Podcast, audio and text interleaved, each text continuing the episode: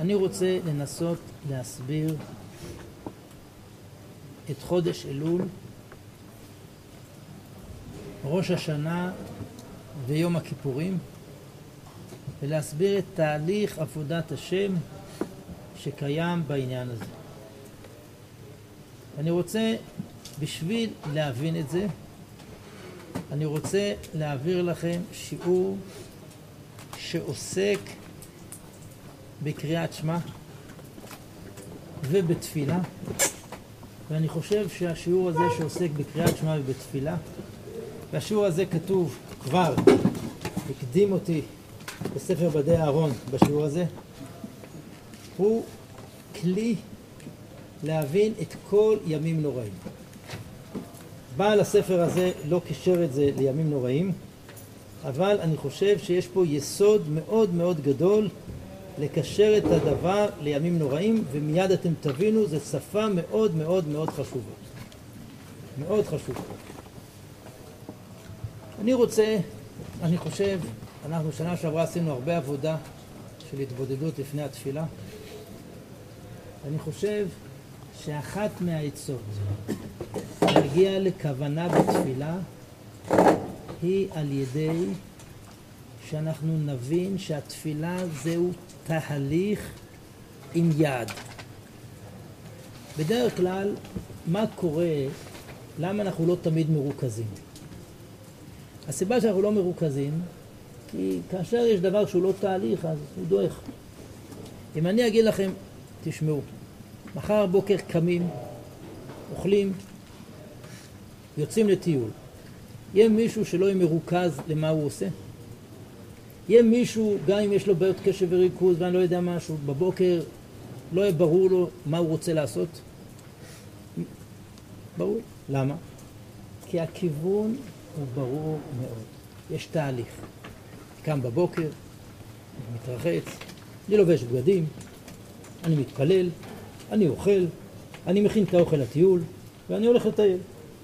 וממילא כל התהליך הוא מאוד מאוד ברור, מה אני הולך לעשות? אני חותר לאיזשהו משהו. צבא שחותר למגע, הוא יודע את התהליך מההתחלה ועד הסוף. למה התפילה שלנו לא טובה? כי אנחנו מתחילים להתפלל ואנחנו לא מבחינים בסוג העבודה בין מזמור של חנוכת הבית, בין הודו, בין קריאת שמע, לבין אתה חונן לאדם דעת. הכל נראה לנו הרבה. אז שהכל איזה מין ריטואל חוזר, אז אתה מתייאש ואתה משתעמם באיזשהו שלב. אם היינו מבינים שאנחנו נמצאים בתהליך לקראת יעד, היינו מבינים את זה איתי. הטענה שלי היא טענה כזאת. הגדרת תפילת תפילה זה רק תפילת עמידה. הסידורים שלנו מביאים לנו נזק מאוד גדול. כי כל יום מכניסים לסידורים עוד דברים. וכל הספר הזה קוראים סידור. זמני הרכבת עוד לא הכניסו, אבל אני לא יודע, אולי מחר גם יכניסו את זמני הרכבת לשם, זה משהו נורא. מוריי ורבותיי, צריך להכיר, הגדרת תפילה זה רק תפילת עמידה. פסוקי זמרה זה לא תפילה. קריאת שמע זה לא תפילה. ברכות קריאת שמע זה לא תפילה. מה זה תפילה? הרמב"ם בפרק ד' הלכה י', ותכף אני אפרט יותר, מגדיר תפילה היא עמידה לפני השם. אוסיף יותר מזה. תענו לי ביושר, מישהו כאן מרגיש את נוכחות השם? מה? אתה מרגיש? כל הכבוד, אני לא מרגיש. אתה מרגיש שהוא נוכח עכשיו? אתה, כל הכבוד, אני לא הגעתי למדרגה שלך. לי ברור שאם הייתי מרגיש שהשם נוכח ממש, לא הייתי מצליח לדבר. זה שאני מצליח לעמוד על הסטנדר ולדבר, למה? כי הקדוש ברוך הוא צמצם את עצמו. ויצר לי חלל פנוי, שאני חש בו עצמאות ובחירה חופשית שאני אדבר עליה באריכות פעם אחרת. אף אחד מאיתנו לא מרגיש באמת שהקדוש ברוך הוא נוכח. כשרבני יוחנן בן זכאי אומר לפני מותו למדנו אורחות חיים אז הוא אומר לוואי והיא מורה שמיים עליכם כמורה בשר ודם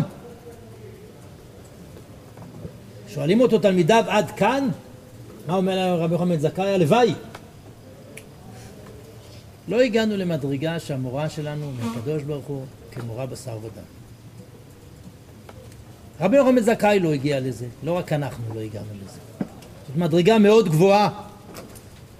ולא סתם עשה הקדוש ברוך הוא כך, כי הקדוש ברוך הוא טוב, והוא רוצה שיהיה לנו טוב, ואם היינו מרגישים שהוא נמצא לנו על הווריד, סליחה על הביטוי, לא היינו יכולים לתפקד. התפילה מוציאה אותי מעולם הבחירה של החלל הפנוי למפגש עם השם. עמידה לפני השם. אני רוצה להוסיף עוד משהו. אחת הבעיות הקשות בכוונה בתפילה, שכולנו יודעים היטב להתפלל בעת צרה, נכון? יודעים היטב להתפלל. אבל שלוש פעמים ביום, אה? קשה לנו. אמת או לא? קשה לנו. כשיש עת צרה, יכולים לצעוק עד לב השמיים. כשיהודה גליק התנגשו בחייו, הודעתי בפלאפון, או שלחתי הודעה לבוא לבית הכנסת, בית הכנסת היה מפוצץ מפה לפה, התפללו, קראו את הרקיע. אנשים יודעים להתפלל, שהרמב"ן אומר תפילת דאורייתא זה צעקה בעת צרה, אנשים יודעים להתפלל. אבל שלוש תפילות ביום זה מתיש. למה? כי אנחנו מצפים ששלוש תפילות יהיו תפילות של צעקה. תפילות של תפילה להעניק יעטוף ולפני השם ישפוך שיחו. מוריי ורבותיי, שלוש תפילות ביום, הגדרתם לא צעקה. מה הגדרתם? מפגש עם הקדוש. האדם בחלל הפנוי, הקדוש ברוך הוא מאפשר לו לעמוד לפניו שלוש פעמים ביום. בספר דניאל כתוב זימנין תלתה, שלוש פעמים אדם זוכה. עכשיו יש לי שאלה, אם יש מלך בשר ודם, ואני רוצה לפגוש אותו, מה אני צריך לעשות? לקבוע פגישה. כשאני מגיע לפגישה, מה אני צריך לעשות? צריך להתכונן, אני צריך לעבור היום בדיקות, אני צריך להסתדר, אני אקום בבוקר. מרגע שאני אקום בבוקר, הראש שלי יהיה במה עסוק? בפגישה. אני אקום, אני אסדר את ה-Waze, אני אתלבש, אני אסדר את עצמי, אני אגיע למקום. אני לא חושב שלמישהו יהיה בעיה של כושר ריכוז לדעת למה הוא חותר. הדבר הוא מאוד ברור. האם אני יכול סתם לבוא למלך, לדפוק על הדלת ולהיכנס? זה לא עובד ככה. האם אני יכול סתם לעמוד לפני השם? לא. כל התהליך, מרגע שאדם קם בבוקר, זה תהליך של התכוננות לעמידה לפני השם, כי אין לנו זכות לעמוד לפני השם בלי אותה התכוננות. מהי אותה התכוננות? אנחנו קמים בבוקר, מודים לקדוש ברוך הוא אלוהי נשמה, שנתת בי מודה אני לפניך, מברכים ברכות השחר, ואז מהללים את הקדוש ברוך הוא על הבריאה הגדולה, שזה פסוקי דה זמרה. אז יש לנו ברכות קריאת שמע וקריאת שמע.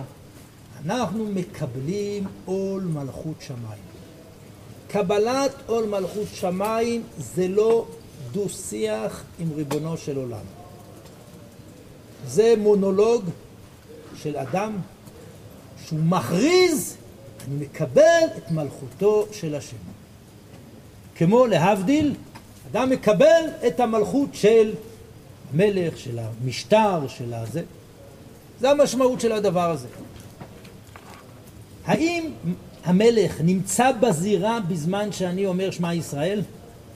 ברור שלית אתר פנוי מיני, אבל כאשר יש צמצום, המעמד של קריאת שמע, שמלכו של עולם אינו בזירה.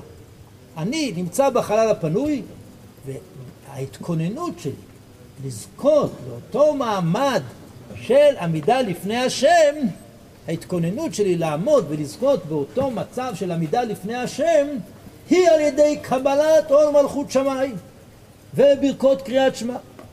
ואז אני אומר גאל ישראל, אומר הירושלמי ורש"י בברכות דף ד' עמוד ב' מביא את הירושלמי, אומר הירושלמי למה דומה אדם שלא סומר גאולה לתפילה? לאדם שדפק על הדלת של המלך וברח. ממילא למה דומה אדם שאמר גל ישראל השם שפתיי תפתח למה הוא דומה? לאדם שדפק על הדלת, נכנס, נעמד לפני המלך. הגדרת התפילה זה עמידה לפני השם. כן. אה, טימית את התפילה למלך בשר ודם, נכון? כאילו... הרמב"ם אומר כאילו הוא עומד לפני השם. הבעיה שהמצב שתיארת, איך אתה קם בבוקר ומתכונן לקראת הפגישה, זה... אני מקבל אותו כאשר באמת הפגישה עם מלך חד פעמית, כמו שקורה במציאות. אבל כאשר אנחנו באמת מתפללים שלוש פעמים ביום... זאת שאלה רצינית, אני אתייחס לזה בסוף עוד פעם. אתה צודק, אני, אני מודע, זה קשה לכולנו, לך, לי, בואו לא נרמה את עצמנו. אני לא, לא פתרתי את הקושי הזה לגמרי. מה? גם בן אדם, בן אדם שמגיע למלך, אז כנראה שהוא כבר חל עליו עול מלכותו. נכון? כן, אבל אני אסביר לך למה זה לא. כי המשל לא דומה לנמשל. כי מלכו של העולם צמצם את עצמו ונתן לי פה להשתולל ולהתברבר בחלל הפנוי. זה לא כל כך פשוט. המשל עם כל יפיותו הוא לא דומה לגמרי לנמשל. ואני אתייחס כי אני לא חושב שפתרנו את כל הבעיה בדבר הזה, יש פה קושי מאוד גדול, אבל תנו לי רגע להמשיך. התפילה היא יציאה מהחלל הפנוי ועמידה לפני השם. עכשיו אני אוסיף עוד משהו שעליו אני לא רוצה להתעכב. תשאלו אותי, אבל התפילה כולה מלאה בקשות? ואני אגיד לכם. לעניות דעתי, המטרה היא עמידה לפני השם, והבקשה היא פלטפורמה לעמידה. ואסביר את דבריי. אני נניח יגידו לי שזה אדם גדול בא, ואני רוצה לפגוש אותו. למה אני רוצה לפגוש אותו? כי אני רוצה לפגוש אותו. אבל מה אני אעשה לקראת הפגישה? אני אחפש איזה כל מיני שאלות בשביל לדבר. האם השאלות האלה תמיד באמת יטרידו אותי באמת? האם לפעמים אני לא יכול לברר את השאלות האלה אפילו יותר טוב בלעדיו? אבל למה אני מחפש את השאלות האלה? שיהיה לי קונטקט, שיהיה לי דו-שיח. אז אני מחפש מתחת לאדמה שאלות. חסד עשה הקדוש ברוך חסד מדהים. שהוא נתן לנו אפשרות לבקש ממנו את צרכינו. הנחש שכל צרכיו מונחים לפניו זה עונש נורא.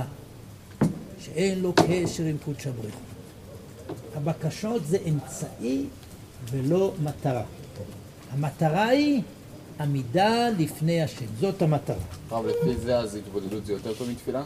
כי לכאורה בתפילה אתה מביא את הבקשות רק כסוג של תירוץ, כאילו שיהיה לך דו-שיח עם הקדוש ברוך הוא. יש בהתבודדות דברים מסוימים שהם יותר. אני, אני מציע שלא נעבוד, לא, לא, אני מסכים אני, לכל הדברים האלה, אני לא באתי כרגע, באתי לתאר משהו בשביל... אז. אני אביא כמה ראיות לזה.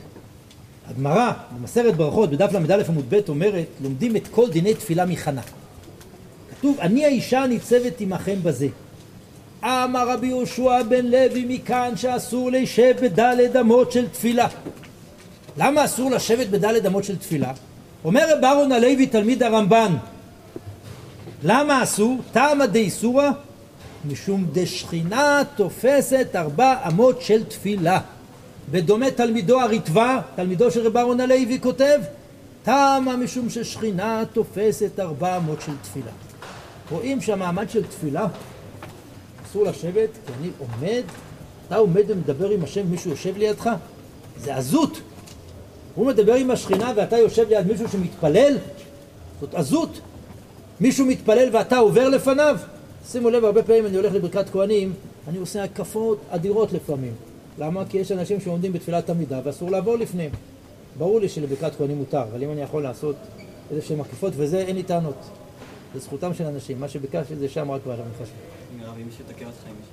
מה? אם מישהו תוקע אותך, כאילו... אני אלך, כי יש מצווה דאורייתא. אני לא חושב שזה פגיעה. הגמרא ביומא, בדף נ"ג עמוד ב', אומרת דין מאוד מעניין. אמר רבי יהושע בן לוי, המתפלל צריך שיפסיע שלוש פסיעות לאחוריו, ואחר כך ייתן שלום. כלומר, אדם שעומד בתפילת עמידה, כשהוא גומר את התפילה, מה הוא צריך לעשות? שלוש פסיעות אחורה.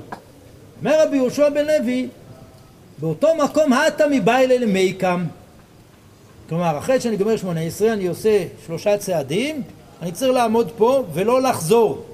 יש הרבה אנשים חולי פרקינסון, רוב האנשים לא יודעים מאיפה מצאו את זה. עושים שלושה צעדים וחוזרים. אומרת על זה הגמרא, משל לתלמיד הנפטר מרבו, אם חוזר לאלתר דומה לכלב ששב על קיאו. אבל מה אומרת הגמרא? שלושה צעדים דומה לתלמיד הנפטר מרבו. תניא נמי אחי המתפלל צריך שיפסיע שלוש פסיעות לאחוריו ואחר כך ייתן שלום ואם לא עשה כן ראוי לו שלא יתפלל ומשום שמעי אמרו שום שמשו שנותן שלום לימין ואחר כך לשמאל שנאמר מימינו יש דת למו? אומר יפול מצרים לבו ובא מימינך רב אחז אלי הבית דאיב שלמה לימינה ברישה. הבית התפלל גמר את התפילה עשה ככה וככה. אמר לי מי סברת לימין דידך? לשמאל דידך כאמינה. דהווה ימינו של הקדוש ברוך מה, מה אנחנו יכולים ללמוד? שאדם בתפילה הוא במעמד של מפגש עם השכינה. כשאתה רוצה לצאת מהמעמד, אתה צריך פעולת יציאה. מהי פעולת היציאה? לפסוע שלוש פסיעות לאחור ולתת שלום לשמאל ואחרי זה לימין. בא הרב גאון, מופיע בשיבולי הלקט בסימן כ"ה, שהוא מקשר את דין ד' אמות, שאסור לשבת לדין של שלוש פסיעות. ומופיע שם תשובה של רב גאון. נשאל רבינו היי גאון ז"ל, זצ"ל. זה שאמרו חכמים אסור להישב בדלת אמות של תפילה, האח פירושו. והשיב, זהו פירושו. כשיעמוד אדם להתפלל, אסור לאחר לשב בצד ארבע אמות סמוך לזה המתפלל לפי שמקום שכינה הוא. וראיה לדבר, כשנפטר אדם מתפילתו צריך לפסול אחריו ג' פסיעות. ואחר כך ייתן שלום, ואם לא עשה כן ראוי לו כאילו לא יתפלל. וכל כך למה מפני כבוד שכינה? קיימה לן דלת אמות של תפילה מקום שכיניים. ונראה כאפיקוירס, שזה עומד בתפילה וזה יושב בטל. אבל אם היה קורא קריאת שמע או עוסק בתפילה ואינו מפליג בדברים אחרים, מותר. אם יושב ובטל צריך לו להרחיק מן המתפלל ה' אמות. אם הוא עוסק בקריאת שמע, דידי, דלת אמות של שכינה. רבי גאון, אני לא יודע למה הוא לא אומר את זה, אולי זה כלול בדבריו. מי בעל המימרה שאסור לשבת בדלת אמות של תפילה? רבי יהושע בן לוי. מי בעל המימרה שצריך לפסוע שלוש פסיעות? רבי יהושע בן לוי.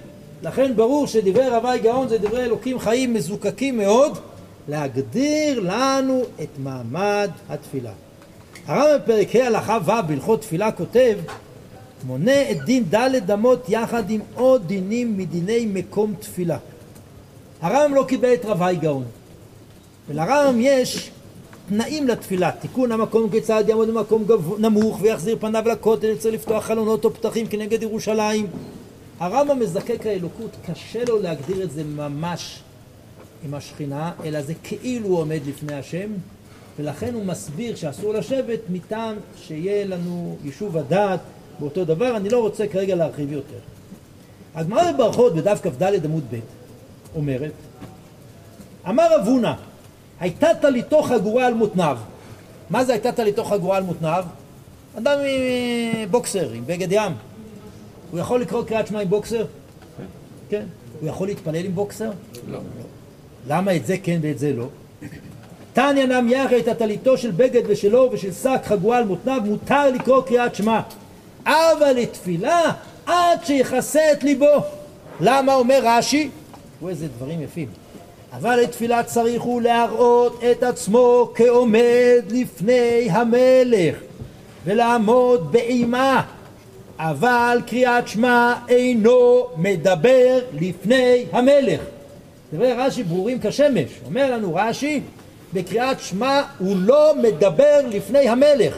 זה מעשה של התכוננות שלי, של קבלת עול מלכות שמיים, אבל זה לא כמדבר לפני המלך.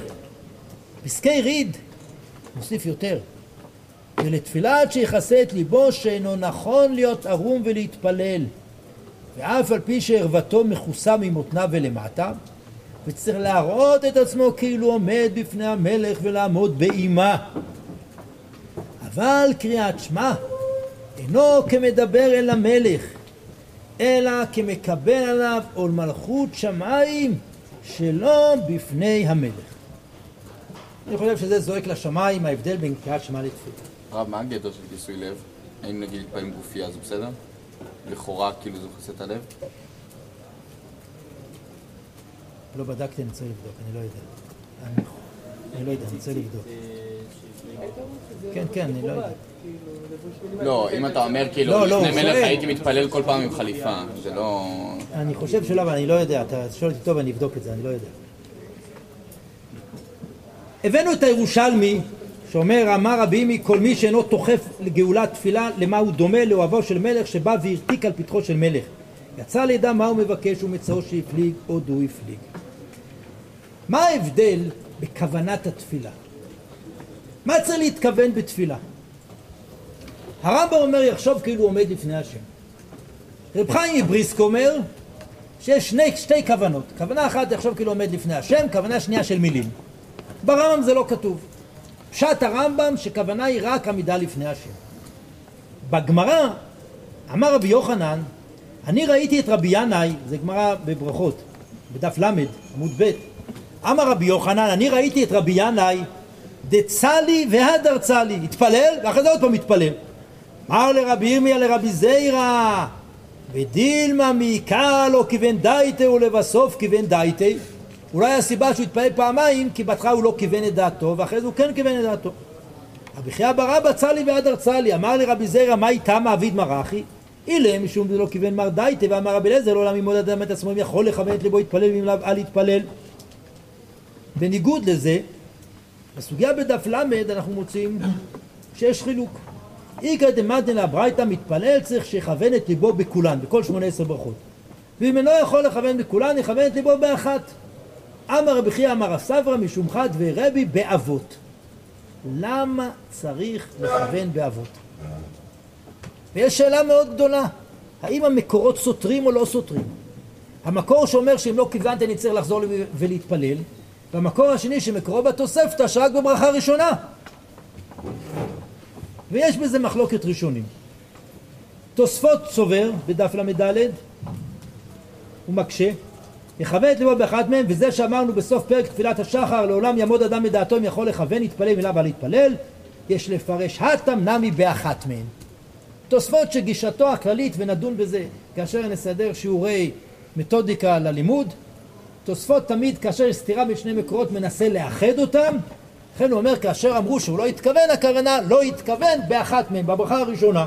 זוהי שיטת תוספות הרמב"ם בניגוד לזה מביא בפרק ד' הלכה ט"ו את הגמרא בדף ל' כל תפילה שאינה בכוונה אינה תפילה ואם מתפלל בלא כוונה חוזר ומתפלל פרק י' הוא מביא את הגמרא בדף ל"ד מי שיתפלל ולא כיוון את ליבו יחזור ויתפלל בכוונה וכיוון את ליבו בברכה הראשונה שוב אינו צריך לא רוצה להאריך בא רב חיים כתולדה מהסתירה אמר יש שני דינים דין אחד של כוונת מילים, שזה רק בברכה הראשונה, דין שני של כוונה כאילו עומד לפני השם. הבעיה שהעיקר חסר מן הספר ושיטתו קשה מאוד. החזון איש, צופנת פענח מבארים, בדרך של בעלי התוספות, אומרים כמו שיש סתירה בגמרא ואפשר להסביר את הגמרא בתור דבר אחד, גם את הרמב"ם מסבירים כמו הגמרא. אני חושב שההסבר הוא אחר, הוא הרבה יותר פשוט. הרמב"ם כותב כך, כיצד היא הכוונה? יפנה את ליבו מכל המחשבות ויראה עצמו כאילו הוא עומד לפני השכינה. לדעתי, פרק ד', פרק י', אין סיבה להגיד שיש שתי כוונות, הרמב"ם ידע לכתוב. אם הוא כותב כוונה פה וכוונה פה והוא לא מגדיר את זה אחרת, אז הוא הגדיר לי מהי הכוונה. אז איך אפשר להגיד שיש פה שני דינים כמו רב חיים? אז מה, מה החילוק? החילוק לדעתי הוא פשוט כשמש. הברכה הראשונה מעצם היותה ראשונה מגדירה את המעמד. אם אני אמרתי גל ישראל, ועכשיו אני נעמד בעמידה, שכולי עומד לפני השם. ואחרי זה, אני כבר, מה זה אומר? שאני מתנהג לא יפה אצל המלך. אבל אני נמצא במעמד. הברכה הראשונה נותנת חותם למעמד. אבל אדם שלא התכוון את הכוונה הזאת, מה אומר הרמב"ם? לא שהוא התפלל בלי כוונה. הוא לא התפלל, הוא פשוט לא התפלל, הוא יכול לעמוד ולהתנדנד ולעשות שלושה צעדים, אבל אם הוא לא הגיע לתודעה של עמידה לפני השם, אז הוא לא התפלל, זה לא שהוא התפלל בלי כוונה, ואת זה גם רב חיים בריסק אומר. תפילה בלי הכוונה של עמידה לפני השם, זה לא תפילה בלי כוונה, זאת לא תפילה בכלל. האדם לא יתפלל בלי אותה כוונה. כולנו יודעים שיש כל מיני מחשבות זרות, אבל אדם באמת אחרי גאל ישראל צריך לעבוד, וגם זה תוכן הברכה. לא אברהם, לא יצחק ולא יעקב, האל הגדול, הגיבור והנורא. זה מגדיר את המעמד ביני לבין קודש הבריחו. נביא עוד דין אחד. הגמרא בברכות, בדף ט"ז, אומרת שאומנים קוראים בראש האילן ובראש הנדבך מה שלא רשאים לעשות בתפילה. כלומר, אדם יכול לקרוא קריאת שמע שהוא מטפס על עצים. בתפילה הוא לא יכול לעשות את זה. אומרת הגמרא, אומנים קוראים בראש האילן ובראש הנדבך ומתפללים בראש הזית ובראש התאנה. בשאר כל האילנות יורדים למטה ומתפללים. ובעל הבית בין כך ובין כך יורד למטה ומתפלל. כפי שאין דעתו מיושבת עליו. וכולי. מה אנחנו רואים? שיש הבדל בין קריאת שמע לתפילה. ממה נובע ההבדל? אומר רש"י, דצלותא רחמי ובאי כוונה. כך אין מתפללים בראש האילן ובראש הנדבך. דמסתפא דילמה נפלה. שאדם כל הזמן חושב שמא הוא ייפול, הוא לא יכול להתכוון. דאין יכולים לעמוד שם אלא על ידי הדחק. ומחמת בעיתותא לא מעצמך ודאי. שאדם נמצא מבועת הוא לא יכול. רב אהרון הלוי, הריט והריד, עוד ראשוני אמרו דבר דומה. הרמב"ם כותב שיש הבדל בין קריאת שמע שצריך כוונת הלב רק בפסוק ראשון, לתפילה שצריך כוונה בכל התפילה. זה ההבדל. לעניות דעתי ההסבר הרבה יותר פשוט. קריאת שמע, אתה לא עומד לפני השם. אתה יכול לטפס על עצים, מה הבעיה? מעמד של עמידה לפני השם זה לא מעמד על עצים. זה ברור שזה לא מעמד על עצים. אותו דין יש, מופיע בגמרא ביומא בדף י"ט עמוד ב' מתני לרב חנן ברבא קמא דרב אמר רבי זכריה בן כפותל ומחו לי רב בידי? ונאמר לי מימר קריאת שמע וקרעי באמצע קריאת שמע הוא רצה לסמן למישהו משהו אז הוא סימן לו, הוא קורא קריאת שמע ומסמן לחברים שלו. חיי גבנה משרי שואלת הגמרא. ואמר רבי יצחק בר שמואל במרת קורא קריאת שמע לא ירמוז בעיניו לא יקרוץ בספרותיו לא יורד באצבעותיו תניא רבי אליעזר חיסמא אומר הקורא את שמע הוא מרמז בעיניו ומקראת בספרותיו ומראה באצבעו עליו הכתוב אומר ולאותי קראת יעקב לא קשיא. היה פרק ראשון היה פרק שני. לא היה פרק שני אני יכול לרמוז לו שני לסמן לו באמצע התפילה. הזוי. למה? לעניות דעתי הסבר מאוד פשוט. כי זה קבל אותו מלאכות שמיים. אותו דבר, בקריאה שמע מותר לדבר? כן, משנה מפורשת, בתנאים מסוימים, מפני הכבוד, מפני היראה, בפרקים, בין הפרקים. מחלוקת תנאים, לא אכנס לפרטים. בתפילה, אפילו מלך שואל בשלומו לא, ישוב, לא ישיבנו, ואפילו נחש כרוך על עקבו לא יפסיק. למה? מהרמח"ל בדרך השם.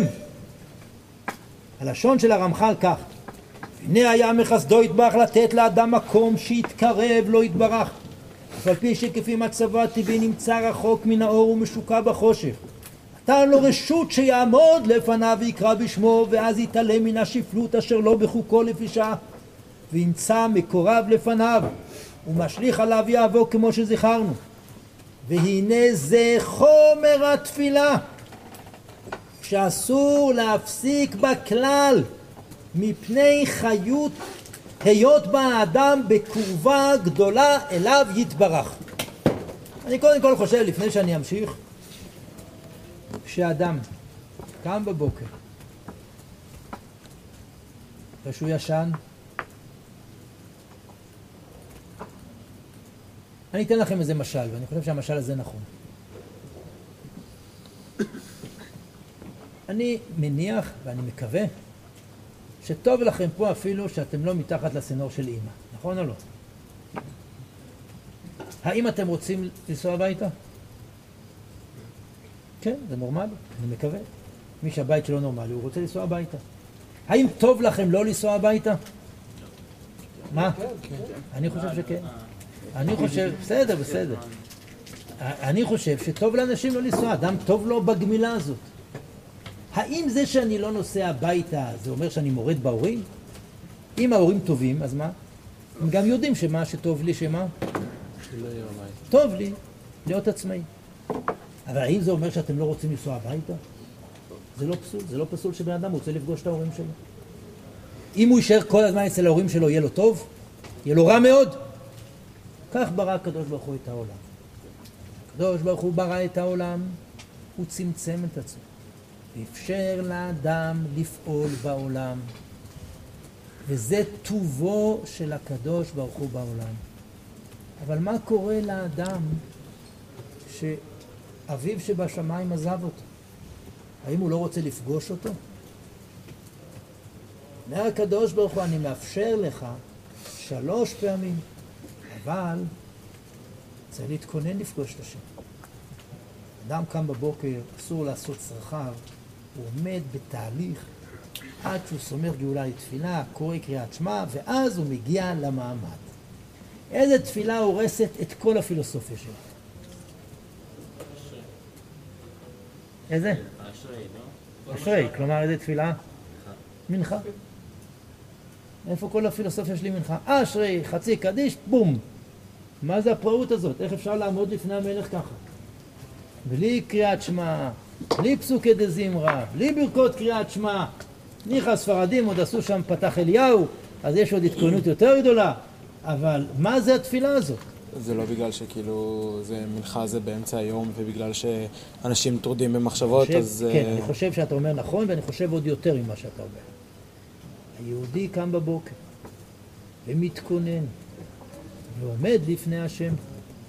אומר לו הקדוש ברוך הוא, באמצע היום, באמצע העבודה, אתה יכול להיכנס אליי בלי שום גינוני מלכות.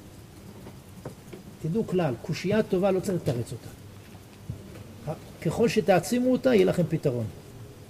זה מדהים, זאת מהותה של תפילת מנחה. אליהו הנביא אמר, ענני אדוני ענני, או דורשת הגמרא, מתי אליהו נענה? אליהו לא נענה אלא בזמן המנחה. מדוע אליהו לא נענה אלא בזמן המנחה? כי אליהו מתנהג שלא לפי כללי המלכות. הוא מתנהג לא לפי גינוני המלכות. מדוע? יש איסור במות. קורבנות מקריבים רק בית המקדש. הוא שובר את הכללים. מהו הזמן המתאים לפעול שלא לפי גינוני מלכות? זה זמן המנחה. זה מעצים את עוצמת תפילת המנחה מכוח היותה התפרצות כי ריבונו של עולם קרוב אלינו מאוד.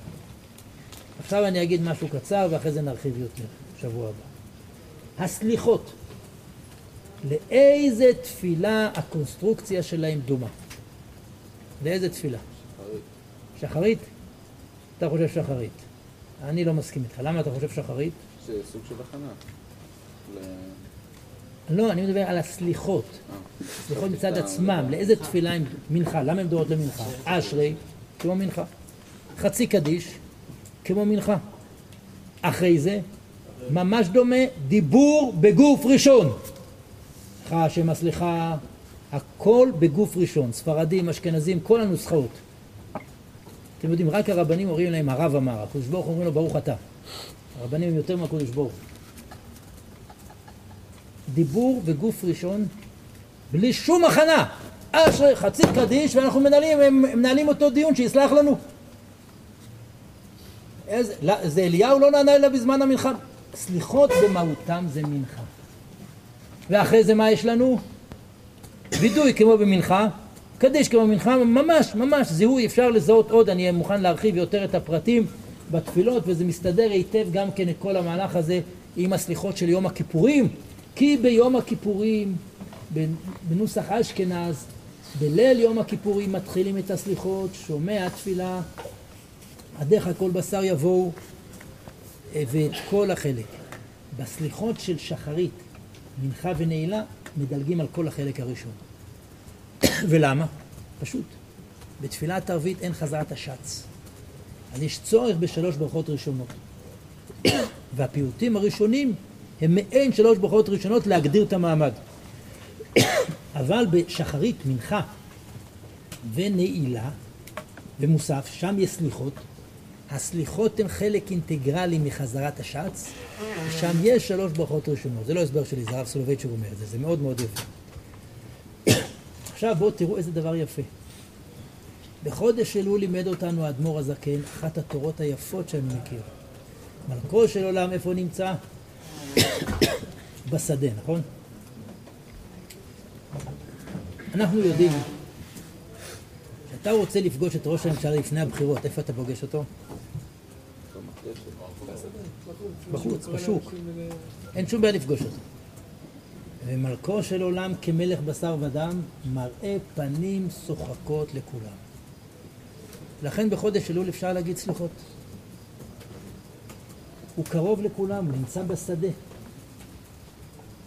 אבל מה קרה בראש השנה? איפה מלכו של עולם? בארמון. מי ששר בראש השנה, המלך בשדה, הוא שוטה מופלג. למה בראש השנה לא אומרים סליחות?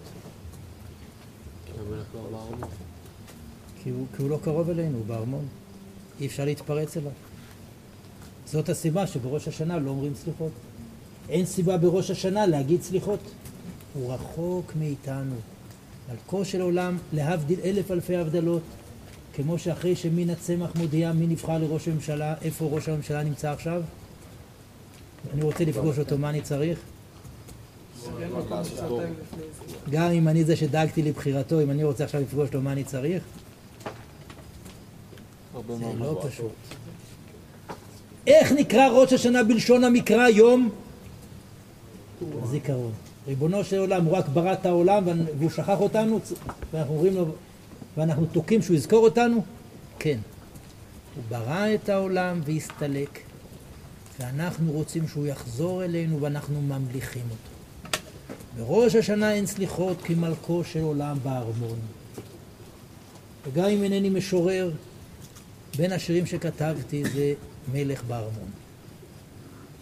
פעם שרו בישיבה מלך בשדה והפסקתי את זה כי זה כמו לשיר קינה של תשעה באב. זה, זה, לא מתאים לראש השנה, מי ששר את זה הוא טיפש. מלכו עולם לא בשדה בראש השנה, מלכו עולם בארמון. ראש השנה דומה למה? לקריאת שמע. כמו שקריאת שמע היא קבלת עול מלכות שמיים שלא בפני המלך, כך ראש השנה זה המלאכת מלכו של עולם. מלכו של עולם הוא מלך חסד. מלך חסד, מה הוא עושה בעשרת ימי תשובה? ידו פשוטה לקבל שווים.